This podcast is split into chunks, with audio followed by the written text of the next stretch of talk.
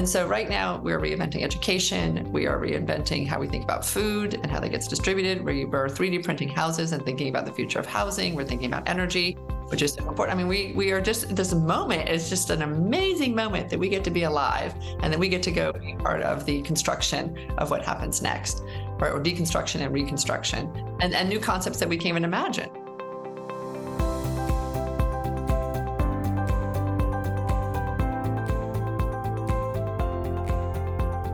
Welcome to a new episode of uh, the podcast Competitive Edge, or Konkurrenskraft as we say in Sweden.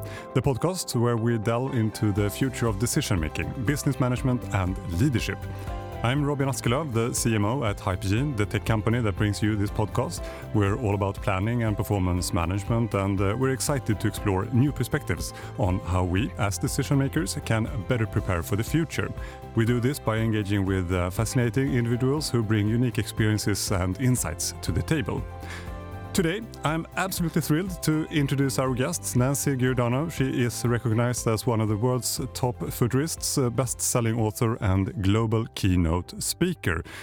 Nancy, it's a true pleasure to have uh, you with us on the podcast. How are you today? I am really, really well. Thank you for inviting me. So, I mentioned some of your background, but there's uh, definitely a lot more I can add. You've worked with several of the world's most valued brands. You're the founder of the company Play Big Inc., the author of the book Leadering, The Ways Visionary Leaders Play Bigger. We will talk more about that. And um, over the years, you have proven to be a valued resource for both organizations and leaders. Does that sound right? And is there anything else uh, that should be added? The um, part that I think is also interesting about my work is that it has spanned this really broad range of industries. Yeah. So it's not like I just specialize in one piece of it. And the way we, you know, we, we sort of summarize it that it goes from AI to frozen foods to reinventing the internet. You know, mm, it's like mm. as narrow or as broad as you want in terms of uh, how this work applies or how I've learned what it is that I've learned or how I do what it is that I do or why I do I, what I do. But part of it is that I have a fascination across things. And I think it's the connection between those things that really gives us a tremendous amount of insight. And we're often we don't afford ourselves the luxury to look that broadly. Yeah. Right. We think we need to be experts in a very specific domain. And so I have uh, decided I'm, I'm more valuable when I can look across many, many things. Mm, okay, and um, going back even longer, uh, you have, as I mentioned, spent a big part of your career building and evolving a portfolio of uh, over $60 billion worth of major global brands. Uh, can you tell us more about this transition from being a brand strategist to becoming a strategic futurist and how that background influences your work? For sure. You know, I mean, really, at the end of the day, I'm a, I'm a strategist, and I would say I'm a pretty good strategist. And first, I started out in advertising, and I was in media. I was a media analyst, and I was frustrated they kept changing my budgets. So I wanted to understand why. And then I moved into account management, and I did that for many years. But then I felt like it became too much about you know P and L and team, and not again about the work that we were trying to do and why we were trying to do it. So I moved into kind of a business strategy role in advertising, and that was right around the time of the internet. And uh, I felt like you know things were changing so quickly, we weren't really paying attention. We thought that the way in which we did what we did was going to last forever. And it became very clear that that was not the way it was going to be. Um, brands in particular have many, many more choices. And at some point, the um, the relationship between a brand and its users, consumers, prosumers, do you want to describe, um, was going to become more intimate in the sense that it wasn't just going to be that the brands understood the person, but the the person wanted to understand the brand. What were the mm-hmm. values of that organization, right? If I'm going to advocate for you and I'm going to pull you into my world, and I become more discerning around some of the needs uh, that I have in my world, from sustainability to health and wellness to you know just caring about things, I want to know who that company is. And I think companies had a really hard time making that shift. And then we moved into the social mobile revolution of 2007, 2008.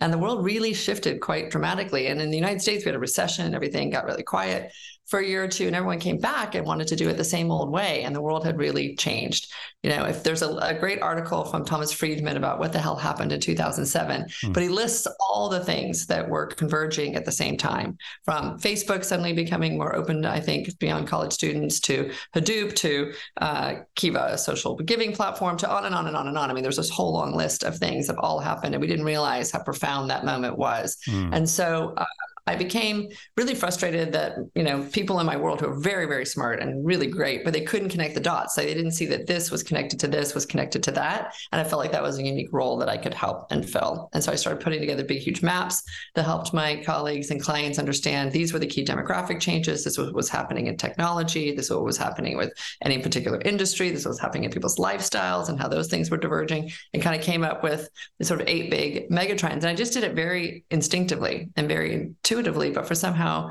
um, it seemed to match as we got more and more data. It was really, you know, consistent. So I started to trust my intuition around that more. Uh, you know, I would believe things and then not say them out loud. And then three years later, everyone knew about them. And I'm like, I knew that. Like, how come I didn't say? Because you didn't, but I didn't yeah. know how I knew what I knew. Right. Um, and so now I realize there's a term called sense making. And there's a way, you know, that people describe what this is. Uh, so I think I then just found myself again as a strategist trying to solve the problem with the most amount of information and the most amount of insight.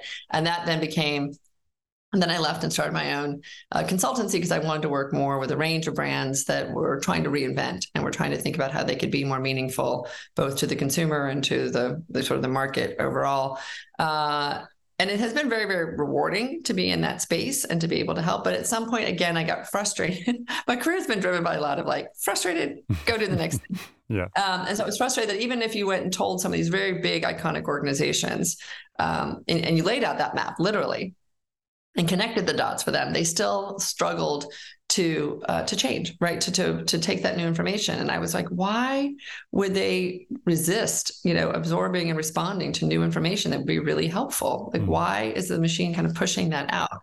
And so I spent a lot of time trying to understand. Okay, are people just overwhelmed? Do people feel that they don't have the cognitive capacity? Do they not trust the information? Like, I was just trying to run through the list and try and like knock them all off as um, things that would be barriers between here and really being able to, like I say, play big, right? Really bring all of resources and all of your um, experiences and all of your you know prowess to be able to build the biggest best thing ever for everyone um, and so finally, uh, a few big iconic companies uh, did get it. Nestle was actually a great, great company to work with, mm-hmm. uh, but some didn't. And it was super frustrating. And so I thought, you know, why am I trying to save all these old iconic companies that don't want to move? And so I jumped into the world of artificial intelligence. Mm. I've been writing a lot about corporate culture. I've been writing a lot about how companies needed to think differently. And so these folks found me and invited me to come. And I, for a year, almost nine months, got to work inside a startup. So I learned AI, mm-hmm. software, startup. It was really at that point talent and culture. Like, what does it what does it take? What would it look like to frame um, the work of a company that we hope is going to be a trillion dollar company back in the day, but really rethinking so many of these practices and beliefs around how people work and how they're motivated and uh, how we can support them. And it was fascinating. It was an amazing, amazing time.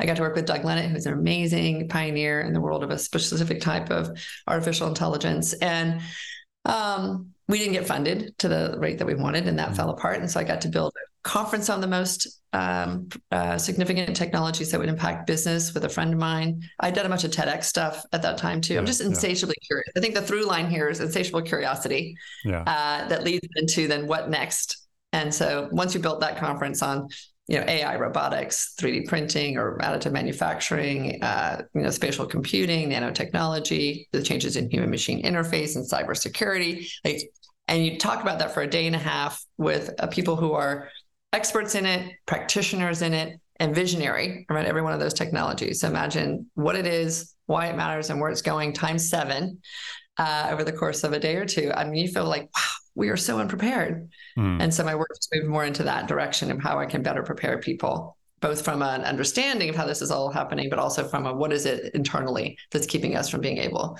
mm. to to move forward and, and really recognize how important this moment is. Mm. Interesting. Um, the theme seems to be uh, uh, frustration, curiosity, connecting the dots. Uh, yeah. yeah, and and and really wanting to to help people understand. Interesting. Uh, I, obviously, I have a lot of questions uh, for you. We will talk about futurism. We will talk about its implications for organization, leadership, decision making, and so on.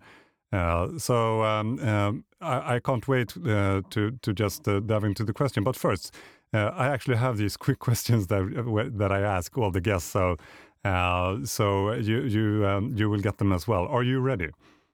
I think so. Yeah, they're not that difficult. The first one: When do you have the most fun at work?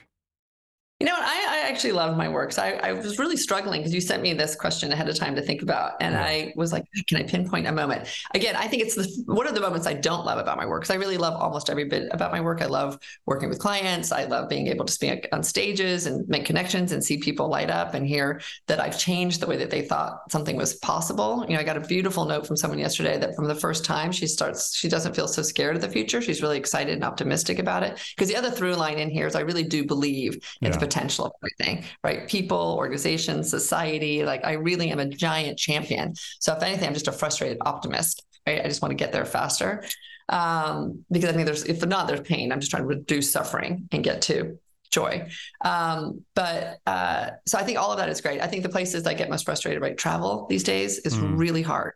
You know, I was stuck in the airport again, uh, and you know, because of canceled flights and stuff, and I find that I find that draining. And I'm really thinking through the carbon footprint of that portion of my work and trying to figure out if there's another way that we can rethink this because being on planes, you know, twice a week, every week, it seems like not the right contribution to be making for everything yeah. that I say is important.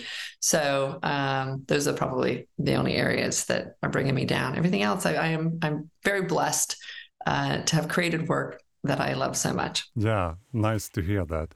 Uh, maybe you can bet on um, uh, the metaverse and um, another way of of uh, meeting and um, uh, being a keynote speaker with. I think we will. I mean, I, you know, you say that in jest, but the reality is we will move there at yeah, some point. Yeah, probably. We will have to constrain how much we travel around the world and how much we do this way, and uh, find ways to, to connect with people either more locally or figure out a way to do things more virtually in the years to come. I really mm. do believe that. Mm. And by the way, I just love the expression uh, "frustrated optimist." When to, want to get there faster. Uh, I can relate to that. Um, so, wh what are you the most proud of um, in, in, the in the past year? You know, I mean, one of my three children graduated from college. Mm -hmm. So my first one had already graduated as an aerospace engineer. Uh, we're building rockets actually that are bringing the the payload up that will build the future. Okay. And uh, Earth's orbit. So I'm very proud of him. But I also, my second one, I graduated this past year with a degree that's really in immersive technologies and storytelling. So AR, VR, uh, understanding how these technologies will impact every single industry that we're doing. And I'm also very proud that he's an optimist, right? He is like a little mini me and likes to be able to turn his um, his peers onto the potential of the future. And mm-hmm. so I'm very, very proud of him. Mm-hmm. And the third one that's still in school. So in two years, I'll be very proud of her. we'll talk again then. Okay, so so um, uh, when it comes to inspiration, uh, where do you find your inspiration to to develop in your role? You know, I think I get to spend a lot of time with the people who are building the future, not just trying to course correct it or trying to protect it. I spend a lot of time with the people who are the visionary builders and scientists and designers and entrepreneurs and investors, but people who are dreaming about what is possible. Um, and I forget how fortunate I am until I go into other environments that are really, again, constrained about how to try and uh, just save today.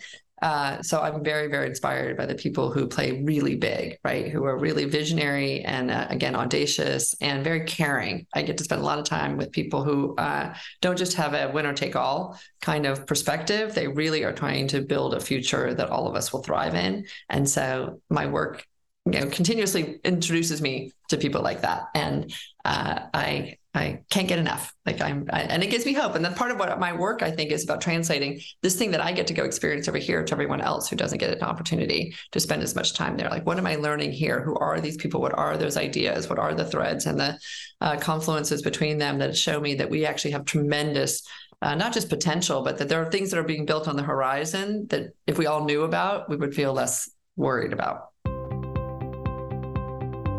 I want to talk a bit about uh, futurism. Uh, you are a strategic futurist, but you also call yourself um, an exponential strategist. Uh, could you explain what you mean by these terms and, and how they differ from, from other forms of futurism and, and strategy? Yeah, you know what? I um I just gave myself a promotion to exponential strategist. So I'll start there and say, and I think it's because we've spent a lot of time talking about the future, right? I, I, say that I started out as a regular, like you know, business strategist or brand strategist, and then I felt like people weren't paying attention to the changes that were happening that were going to shape our future. So we started talking about ourselves as a brand futurist. It also gave me again permission to go across all these different things because people always wanted me to be an expert in one area. And Yeah. I'm like, no, I'm an expert on the future. And they're like, oh, okay, now you can take all those uh, data points and put them together. Um, and so we've moved to having a bit more respect, I think, for this and this, the practice of foresight. Uh, we started the Femme Futurist Society during COVID because I wanted to meet other women that were doing this work because I felt, again, frustrated that my colleagues were always referencing the work that men had done, past, present, and future. Hmm. And I felt like there's this great body of work of women that are doing work potentially differently, but I just wanted to, wanted to know who they were and what they did. And I've learned a lot about this practice and how broad it is, again, from very academic foresight practitioner who has a bunch of very specific framing and tools and really no point of view on it as much as they're just trying to discern it as far out as they can to all the way being inside an organization and helping that organization be uh, better prepared for the challenges and the opportunities ahead. Um, and i sit somewhere in the middle. Uh, i'm not a formally trained futurist or foresight practitioner.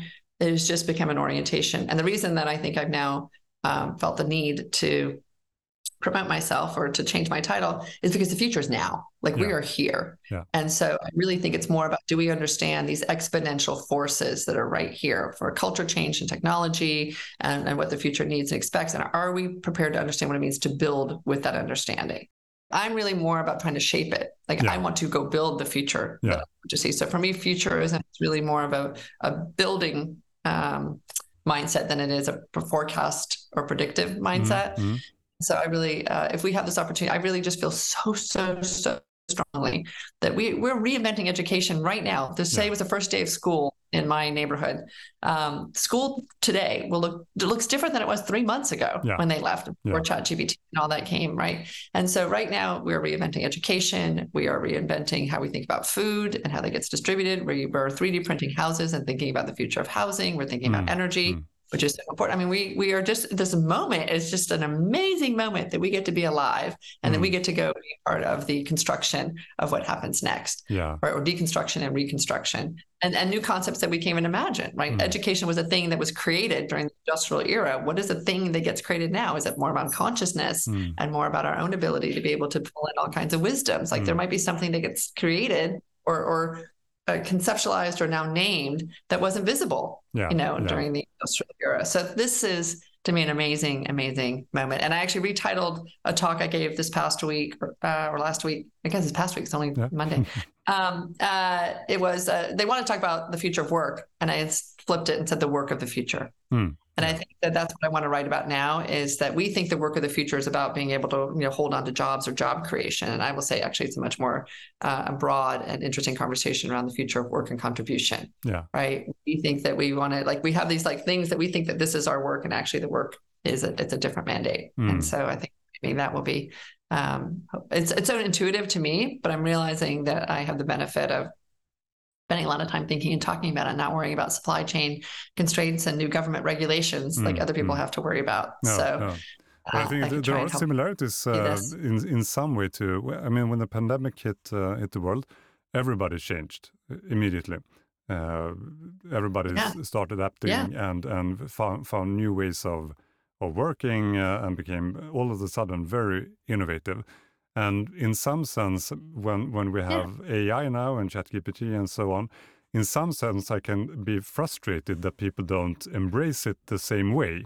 Uh, I don't know if people are, are tired of, of changing fast since pandemic, but I, thi- I think that that's part of it. Yeah, yeah because otherwise, I mean, we, we should probably see the same kind of uh, speed in in uh, in improvements and uh, and change based It- unfortunately, it will be disproportionate, right? You're going to find people who really do do Yeah. that and understand what it become AI led and to become more ethically um, uh, oriented and understand the value of trust and all those kinds of things that we're Mm. seeing. You know, again, like a company like Microsoft, I think try hard to do. They don't do it perfectly, but they do it better than I've seen most big organizations do it.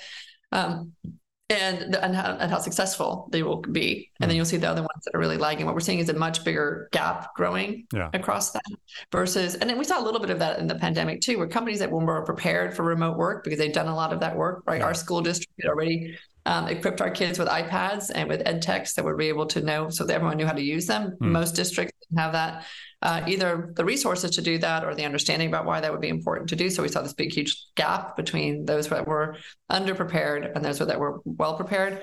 Um, yesterday at lunch, I was talking to a friend about the pandemic. I think the pandemic accelerated a lot of things that already were in play. Yeah. It just made it happen faster. And so the question is now, do we have that same kind of um, I don't know what the word is, but like sort of base level of what it means to do AI. And I think it's really, really new. Mm-hmm. And I mm-hmm. think again, AI has gotten such a terrible rap in the media, mm-hmm. right? From every mm-hmm. movie. If anybody who doesn't know very much about it gets very, very scared about it, yeah. or it sounds very technological, yeah. as opposed to it is a way in which we make sense of the world around us and deciding whether or not we want to shop this way or you know we don't realize how much it's already impacting the choices mm-hmm. that are being mm. presented to us and so what we're trying to do again is just increase people's literacy mm-hmm. around it's already in your world yeah. right now do you want to work with it or do you want yeah. to ignore it when uh, talking about AI and uh, how to work with it, generative AI like uh, ChatGPT and Midjourney are the most likely ways I think people have started to use it.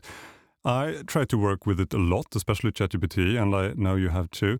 As a sidetrack from uh, strategic futurism, what are your thoughts right now when it comes to working with uh, generative AI? I have been thinking about for this next book I want to write how I would do it with um, some sort of you know ChatGPT-ish thing. Mm-hmm. Uh, I definitely know that the next book that I write or the next thing that I do, if I would never sit in, in a studio and record it yeah, again, yeah. it will all be done media and that kind of efficiency yeah. around that, which Right. I mean, I think you should, for me, working with ChatGPT is, um, I mean, I, have spent almost my entire career writing stuff, um, being in the PR industry and brand, uh, like you in, in brand strategy and so on. So, so you tend to write a lot. Uh, but with ChatGPT, once again, it's not about delegating the writing part. It, it, it's just, it, it becomes some, some kind of accelerator uh, and it also, I, I, think it's extremely good in just finding those angles of things uh, when yeah. it comes to connecting the dots. I mean, give ChatGPT uh, a research report about something, and then you give them an, an article about another topic, and maybe another uh, article article about a third topic, and ask ChatGPT to just connect the dots. And it will yeah. it will find so many intriguing angles that, that you can really work on. Really...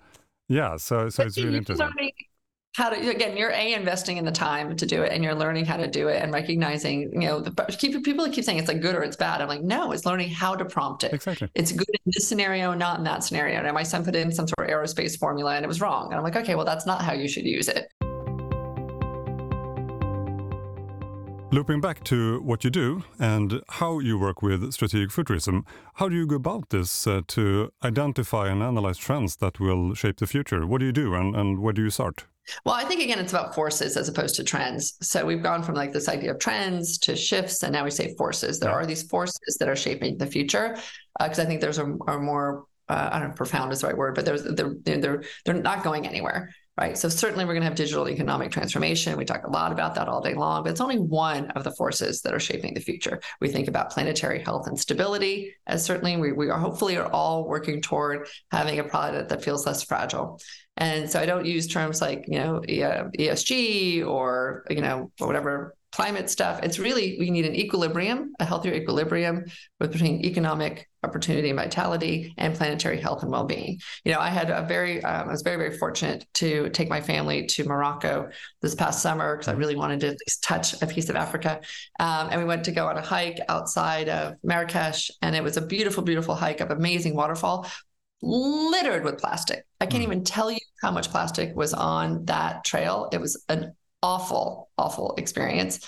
Uh, I'm very, you know, uh, so anyway, we we need to do a whole better job with the whole planetary mm. uh, well-being side of South. Then we talk about um, another giant force is a need to redress systemic biases and inequities that have existed for hundreds of years, if in the case of women for thousands of years. If we have a chance to rebuild everything, why not do it through the lens of trying to make this work better for everyone? So, what are some of the things that we need to address and being able to do that? And there's all kinds of systemic things that we can dig into, including the value of unpaid care work and how that gets factored into our economic systems and our accounting. And then we move into, you know, the real pursuit of any of this stuff is hopefully to have better well-being for all of us individually and collectively. And what does that mean to reskill an entire population at some point? So that has huge implications on the future of work and society and self. Um, so we spend a lot of time talking about are we feeling good or not good, right? We're a very anxious society right now. We're a very lonely society right now. Um, we are very, and, and, do we think that's going to get better or worse, Robin? Hmm right? It's going to get worse yeah, because people are going to get more scared by these technologies, which then has implications on everything to, you know, your daily work to a call center employee, right? If you're a call center person who's taking live calls, you're not a bot, but you're a human, hmm. you're going to get more and more agitated people. You're going to get more and more people who feel frustrated, maybe not at you, but because something else went wrong at the airport, or because now they don't understand why AI decided to approve them or not approve for a loan, or whatever it is. It's going to continue to become a source of agitation and fear for people. So how do we figure out ways that we can mitigate that? How do we hold people well so they feel as though that they're going to be okay and don't hmm. make, you know, poor choices on their own behalf short term because they think that they you know someone's going to protect them. Um, and then last is youthquake. We really feel strongly that the, we need to pay attention to the fact that you know 42% of the population is under 25 they disproportionately live in the global south. They will have a very very different way of thinking about the future and what's important. We already see right? The number of petroleum engineering graduates in the united states is down 75% okay. They didn't want to go into oh. oil and gas yeah. They don't see a future in oil and gas, right? So you start to imagine what's going that's a, just one data point among many, many, many. They're making very different decisions. And so understanding what's important to them and why, and understanding how that's going to shift again as it moves into Africa and into other parts of the global south. Um, what will that mean in 10 to 20 years? So I just look at that kind of constellation of things and say all those things are feeding, again, what we call this moment of we don't have the right term for it yet. As a brand strategist, you can help. Uh, exponential productivity transformation, XPT. Mm-hmm. Uh, it's too many words, um, but it really does for us right now frame it is exponential. It is about increasing productivity and it is a moment of transformation. It's not yeah. just a revolution, but it is a pretty significant uh, thing. So my biggest frustration when people say fourth industrial revolution. Like mm. I don't understand why they think there's there's an industrial component to this yeah, right now. Yeah.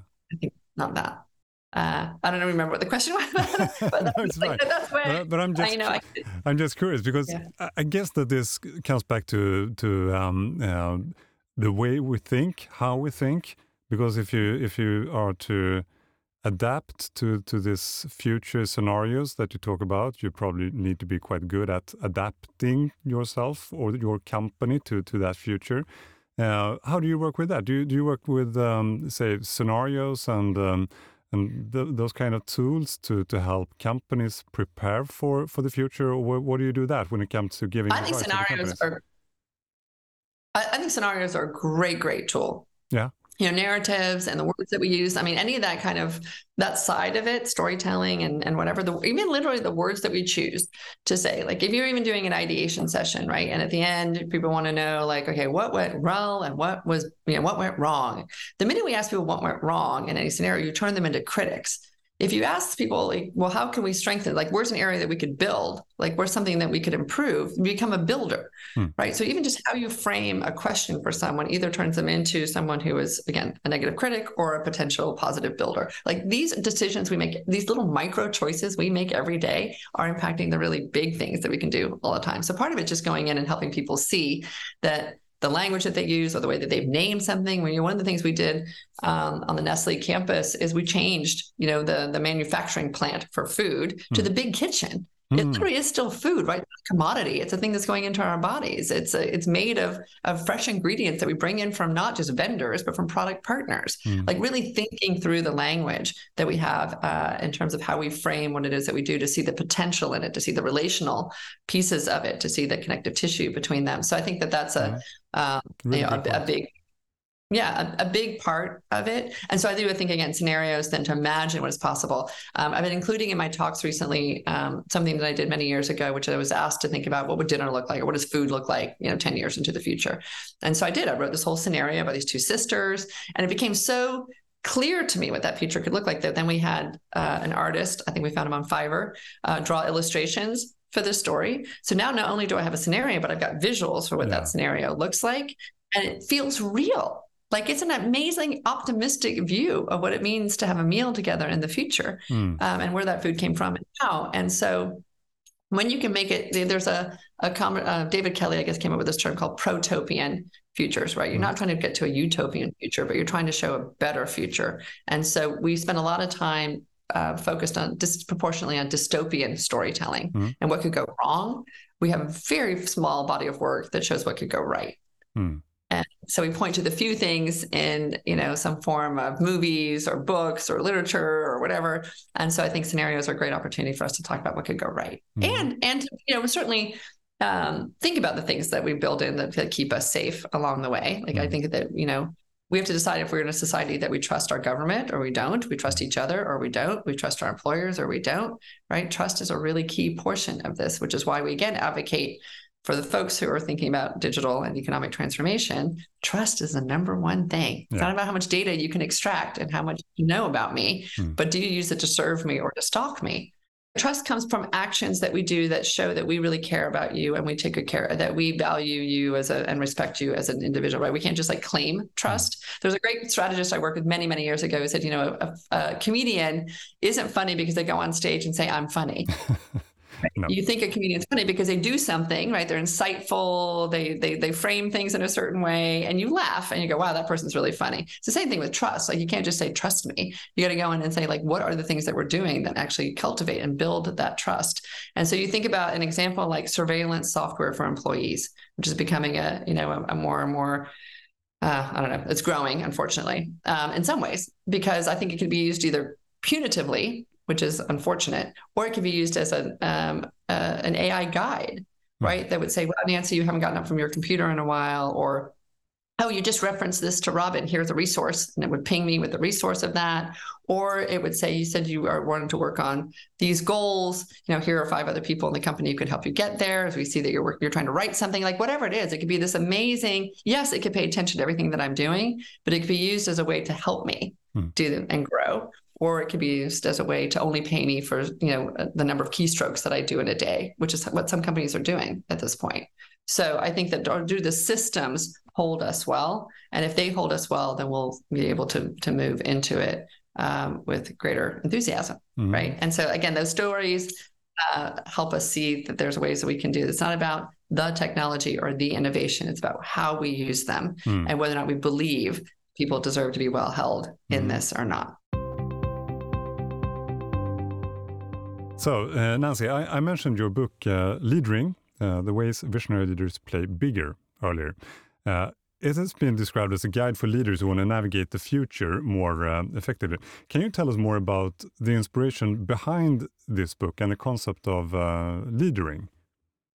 Yeah, so I um again, you know, part of my frustration is okay, it's not about what we know, it's about how we think. And so how can you help people like just open up their aperture more and be um uh, better stewards of the work that they're doing. And I think part of it is that when we went in and did this consulting work, uh, there's a certain way in which we approached it. And I think clients found it very uh, confusing, is not the right word, but unfamiliar. Like it didn't make sense to them, right? It wasn't like you're coming in, use medical terminology, as an allopathic physician, right? I'm not a consultant who comes in and just tries to fix one little piece of it. Like, let's just look at supply chain over here, or let's just look at a branding problem over here, or let's just look at a perception problem over there. We really looked at it much more holistically. And um, uh, and all the parts really fit together. And again, the the organizations and leaders that we work with who got that had a, a much bigger way in which they that's why they play big, right? They were able to transform their organizations much more thoughtfully, but the ones that didn't really struggled. And so we felt like, how do we put that together better? And so I started doing talks, right? As part of my talks, it was yeah. the case for audacious leadering. And leadering is a term um, that Peter van der I know his name right, mm-hmm. uh, introduced to me many, many years ago, but he probably has a different, different, def- different definition for me, just that word, the fact that I could turn that into a verb, yeah. we could turn it into something that's dynamic was the word that I've been looking for to describe this thing that we had been doing and this way that we had been approaching things. And so we started building our own definition around it. But then over time, as I was giving talks, there was more and more and more I wanted to pack into it. And I didn't have enough time you know, and even a 45 or 60 minute talk. And I was always afraid I was leaving something out. So we decided we should write about it. So it would be very complete compendium. And if I can only talk about, you know, a third of it, at least I wasn't leaving people hanging and I didn't have uh, insight into the rest. Interestingly, you know, it's been described as a very chewy read. um, from the beginning to the end is, is, filled with you know inspiration hopefully and insight and uh, examples about how to do this and so it's not like we just set up the premise in the first 30 or 40 pages and then just repeat it over and over yeah, it's like yeah. every chapter i've, I've read books like that you know, it's, it's not, it's, I mean, we were, we were really striving between a really lightweight book and then a really heavy book like Yuval Harari's book, which I just, I never can quite get through. So it's not, it's not nearly as brilliant as that.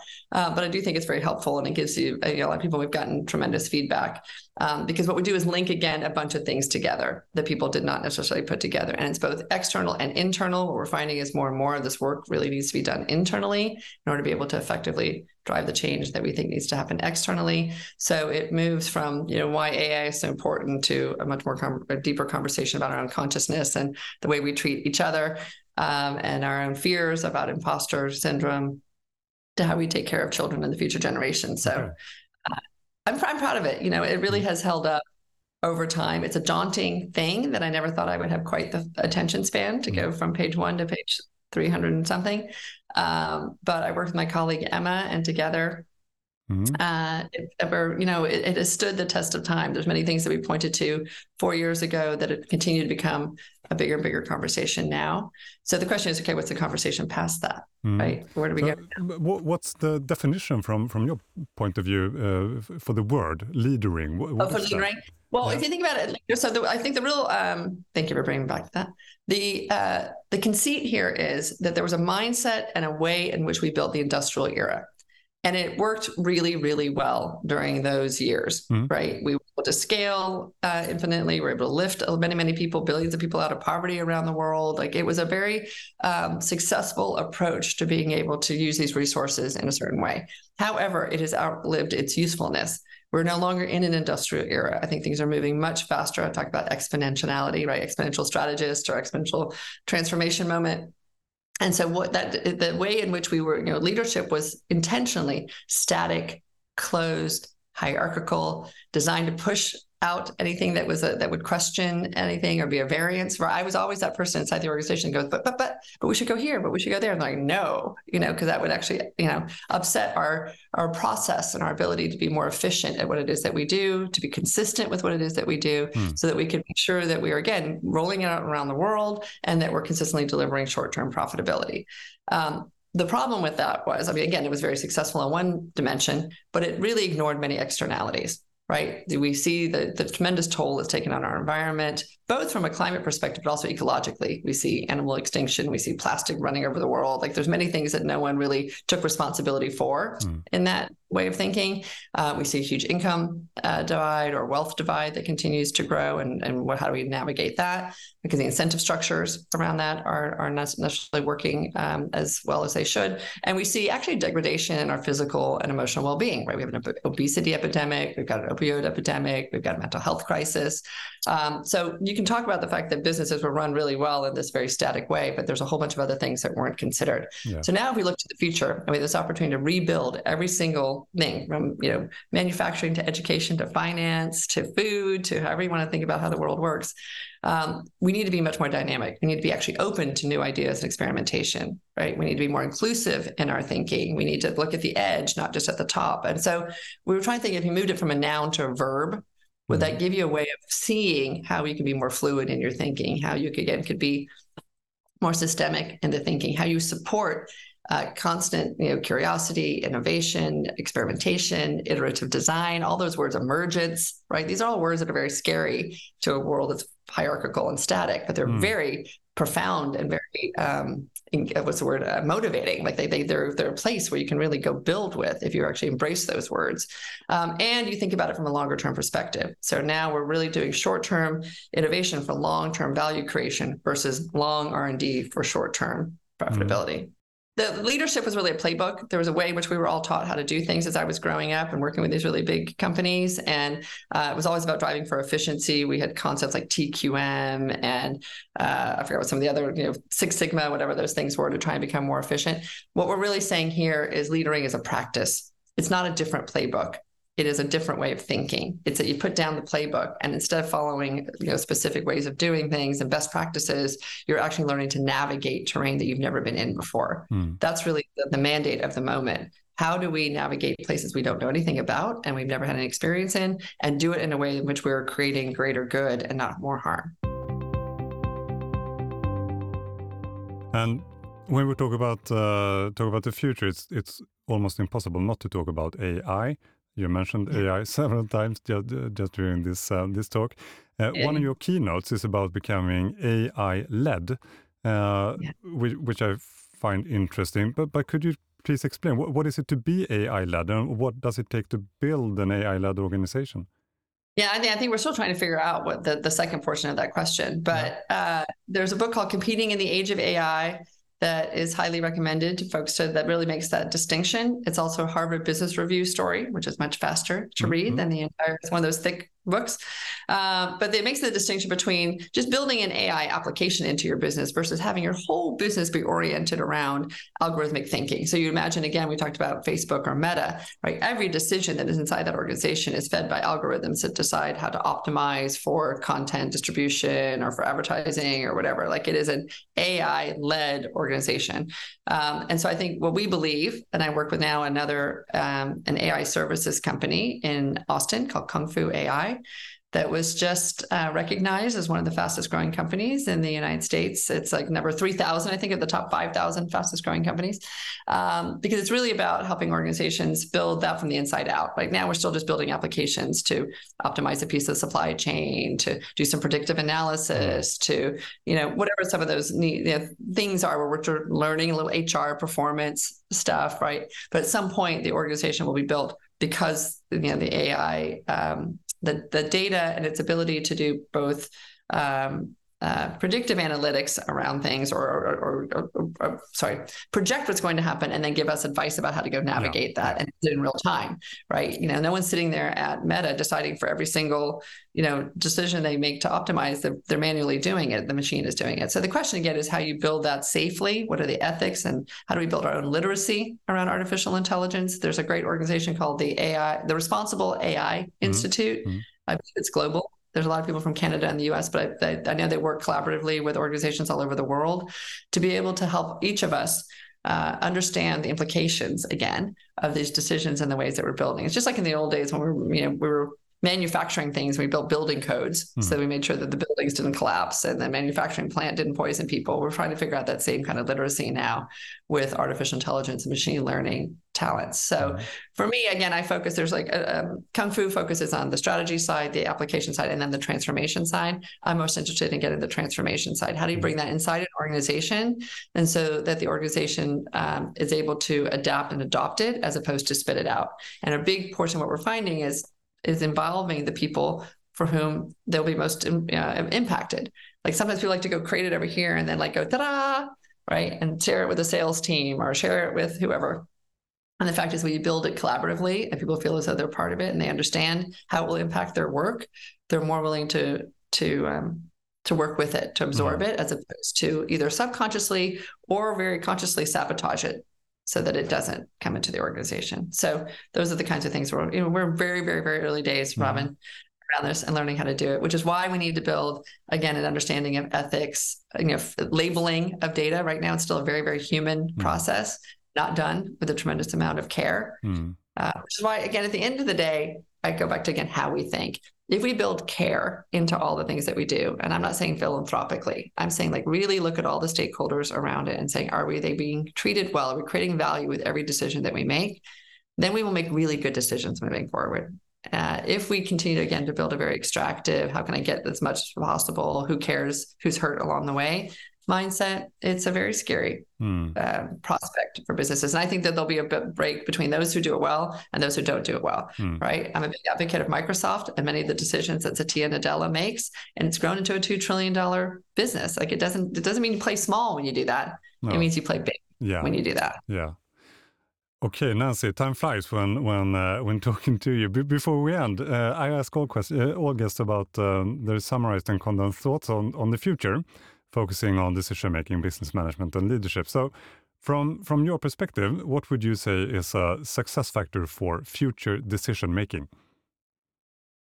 Uh, well, I mean, I think again, my orientation right is to have long term visions around this stuff. So, will you be proud of the decisions that you made 10 years from now, 20 years from now, 50 years from now, right? Which is a hard thing to imagine, but I think it's really having a much longer view of your success and uh, and the responsibility that you have to that. You have a responsibility not just to the moment right now, but to the future generation of citizens and stakeholders and to overall the, the planet. And so um, I would like us to have a longer orientation around that and, I, and a more holistic orientation that it's not just about GDP growth, yeah. but it's a broader set of metrics that make us look, you know, understand our relationship to one another. Mm, interesting perspective. Uh, what is the key to future planning and management in business? Thinking it's important. You know, yeah, I mean, I think that that's really the key. I think that a lot of people haven't really even woken up to understand how important this orientation and this way of thinking is, and not just because it is a, uh, you know, it's smart. It's it's a competitive advantage. I mean, I think if we're always trying looking for that edge about how we can do our work better, it's like it's sitting right here right? Which is two things. Again, one is having a future orientation, and the other is to put more care into what we're doing. Like another example is like whether or not we should be moving to a four day work week, which will be an increasing conversation around the world. All the data shows uh, right now for the companies that have been experimenting with it or doing it that there's a lift in productivity. And if not even a lift, then even if it's it's equal productivity, very very few companies drop in productivity when they do that. Uh, which means that then well-being go up and retention go up, and people have quality of life that goes up, and they can do their hobbies. Right? There's all kinds of things. When we orient toward how can we make life good for everyone, then we make better decisions than when we can keep trying again to protect the status quo that is not working well yeah, for people. Yeah. People are frustrated. People don't feel engaged. Like, why do we want to keep holding on to systems that aren't working well? Mm. Once just again, to be open minded. Yeah, once right? again, going challenge back to your way of thinking. Exactly. Care. Going back to how you think. Uh, yeah. So finally, the key to future this uh, future of leadership. Uh, again, it's going to become much more distributed. It's going to, you know, when you really think about how organizations are structured, uh, but we're learning a lot more about how animals and insects do it, and they do mm. it in, in, smaller teams, right? Another friend of mine wrote a book called Teeming, T E E M I N G, mm. uh, and she's just written, I think, an, an updated version. Tamsin uh, looks a lot about how, um, you know uh, organizations or, or cultures, what you want to call it, uh, uh, enterprises, if you want to call an ant colony an enterprise, have thrived over millions of years, and they're huge. I mean, they're gigantic, right? They continue to expand, mm. not necessarily grow, but to expand. But they do it by working in much smaller teams. They they they work uh, almost like as a cellular unit. So I think that this whole idea about what leadership looks like it will become much more uh, distributed. The same way the web will become more distributed. Uh, it will it will it will shift in terms of uh, the metrics and the ways that we hold ourselves accountable to things. I think it will be much more about our individual um, contributions and how those are linked together. Uh, that will be the the magic of the future. Okay.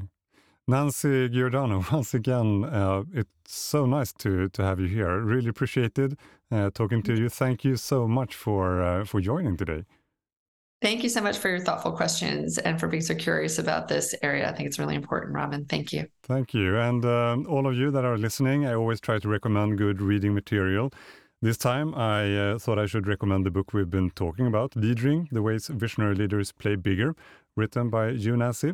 This book uh, challenges uh, us to shift the way we think and adopt a new mindset about how to build a better future. I can uh, highly recommend it. I will uh, include the book uh, title in the description of this episode. And uh, additionally, as usual, I think you should visit hypergene.se or .com. They will find everything from uh, blog articles to reports to webinars and lectures, all centered around decision support, planning, and performance management, which is uh, what we and our product are all about. And finally, don't forget to subscribe to this podcast. And with that, we thank you for today and say goodbye. Thank you for listening. It's been great to have borrowed a moment of your time. Have a fantastic day. And once again, thank you, Nancy. Thank you so much. Take good care.